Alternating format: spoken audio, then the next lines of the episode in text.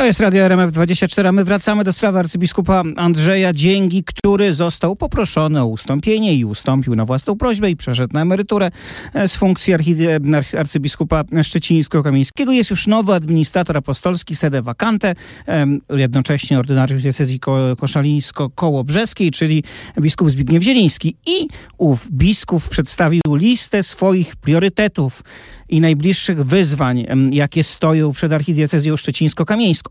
Jakie to priorytety? Otóż po pierwsze zebranie Episkopatu Polski w czerwcu w Szczecinie, a także rok odtonowy i 900-lecie chrystianizacji ziem zachodnich.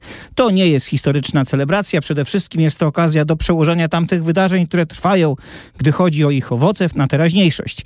W dziedzictwie jesteśmy beneficjentami tego, co święty Otton nam przyniósł i co nam przekazał, mówił biskup Zbigniew Zieliński. A z nami jest profesor Błażej Kmieciak, e, pedagog, e, były przewodniczący, obecnie członek Państwowej Komisji do Spraw Pedofilii. Witam serdecznie, panie profesorze.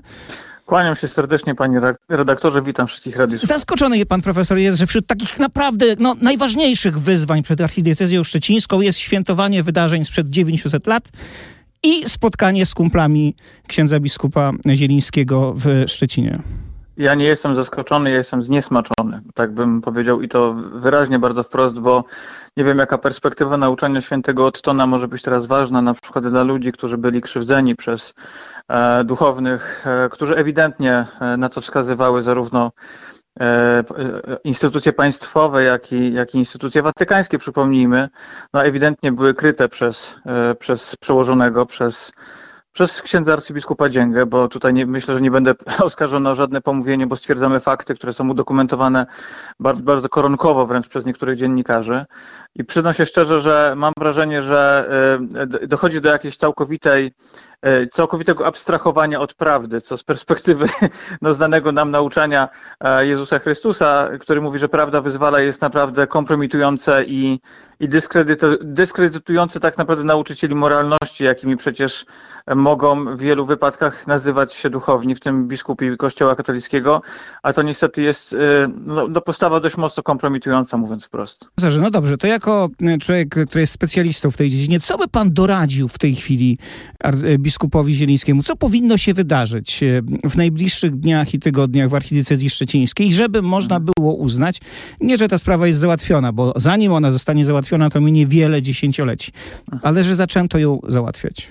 Znaczy, ja przede wszystkim patrzę na to z perspektywy osoby świeckiej, także osoby, która no oprócz tego, że jest naukowcem i badaczem, to także jest urzędnikiem. Ja przede wszystkim bym zaproponował coś, co bym nazwał audytem, tylko że z perspektywy, jak mawiał ksiądz Jan Kaczkowski y, Kościoła katolickiego jako swoistej korporacji, no pojawia się pytanie, kto taki audyt powinien przeprowadzić. Osobiście uważam, z pewnością audyt... nie księża z archidiecezji no, nie, nie, nie, nie, nie, w ogóle nie idę tą drogą. Myślę o osobach także świeckich, przecież mamy mnóstwo świeckich, także osób wierzących, osób praktykujących w Szczecinie chociażby bardzo mocno działa inicjatywa e, katoliczek i katoliczek, katolików i katoliczek, katoliczek, katolików i, i wydaje mi się, że jest mnóstwo ludzi, którzy chętnie spojrzeliby na to z perspektywy niezależnej, e, rzetelnej, uczciwej i krytycznej, która by tak naprawdę doprowadziła do czegoś, czego w Polsce chyba do końca nie było. No może poza znaną panu Komisją Dominikańską, e, że tak naprawdę mówimy wprost, sprawdzamy i pokazujemy z perspektywy niezależnej, tak? To znaczy, to jest ciekawe w ogóle, dlatego że list, który skierował arcybiskup Dzięga, przypomnijmy tylko i wyłącznie do kapłanów, co jest dla mnie bardzo symptomatyczne. Dla mnie jako dla świeckiego, który przecież... No, List, który przypomnę ujawniło radio RMFFM, e, ponieważ on był listem tajnym, to znaczy... No więc to jest, ale, ale był skierowany, przypomnijmy, do, do, do, do kapłanów, a nie do świeckich, tak? No świeccy tutaj nie zostali uznani za osoby godne, godne słuchania o tym, że ksiądz arcybiskup jest chory i zmęczony. E, I, i dla mnie to jest rzeczywiście... Może nie chcę tutaj wchodzić teraz w takie... Oszukał. E, no, nie, myślę, że oszukał. Myślę, że jednak oszukał, dlatego że ci, którzy chodzą na mszę w niedzielę, to, to słyszą o tym, że modlą się za, za biskupa miejsca, czyli za, za metropolitę szczecińsko-kamińskiego, prawda? I, i, I to jest dla mnie demotywujące i demoralizujące.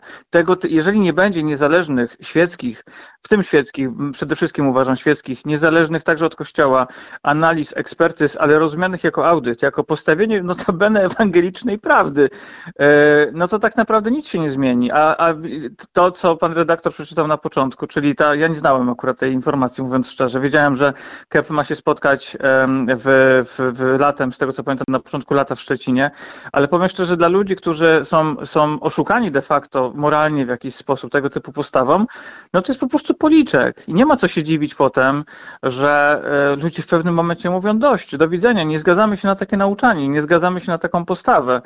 E, no, tak to widzę.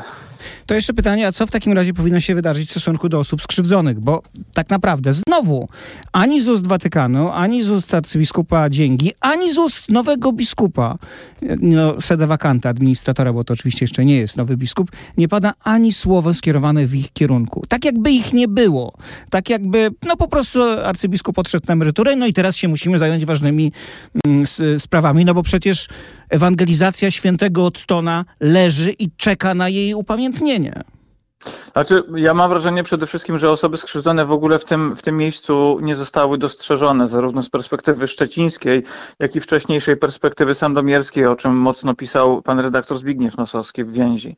I mam wrażenie, że te osoby zupełnie nie zostały pokazane, że te osoby doznały krzywdy. Doznały krzywdy od konkretnych osób, ale doznały także potwornej krzywdy instytucjonalnej. Jeżeli ojciec Tarsycjusz, którym akurat no, Państwowa Komisja jego sprawą nie mogła się zajmować, ponieważ no, wszystko wskazuje na to, była taka, taka decyzja, także rozstrzygnięcie sądowe mówiące o tym, że został skrzywdzony powyżej 15 roku życia, co nie umniejsza temu, że został skrzywdzony, powiedzmy to sobie wprost.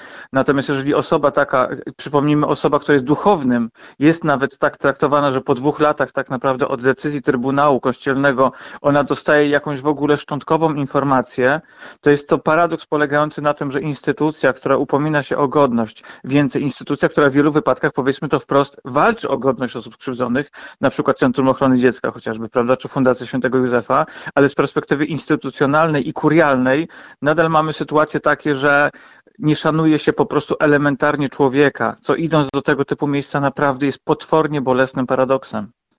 Bardzo dziękuję. Profesor Błażej Kmieciak, członek Państwowej Komisji do Spraw Pedofilii, także pedagog, specjalista od opieki nad osobami z niepełnosprawnością był naszym gościem. Bardzo dziękuję. Kłaniam się nisko, dziękuję, do widzenia.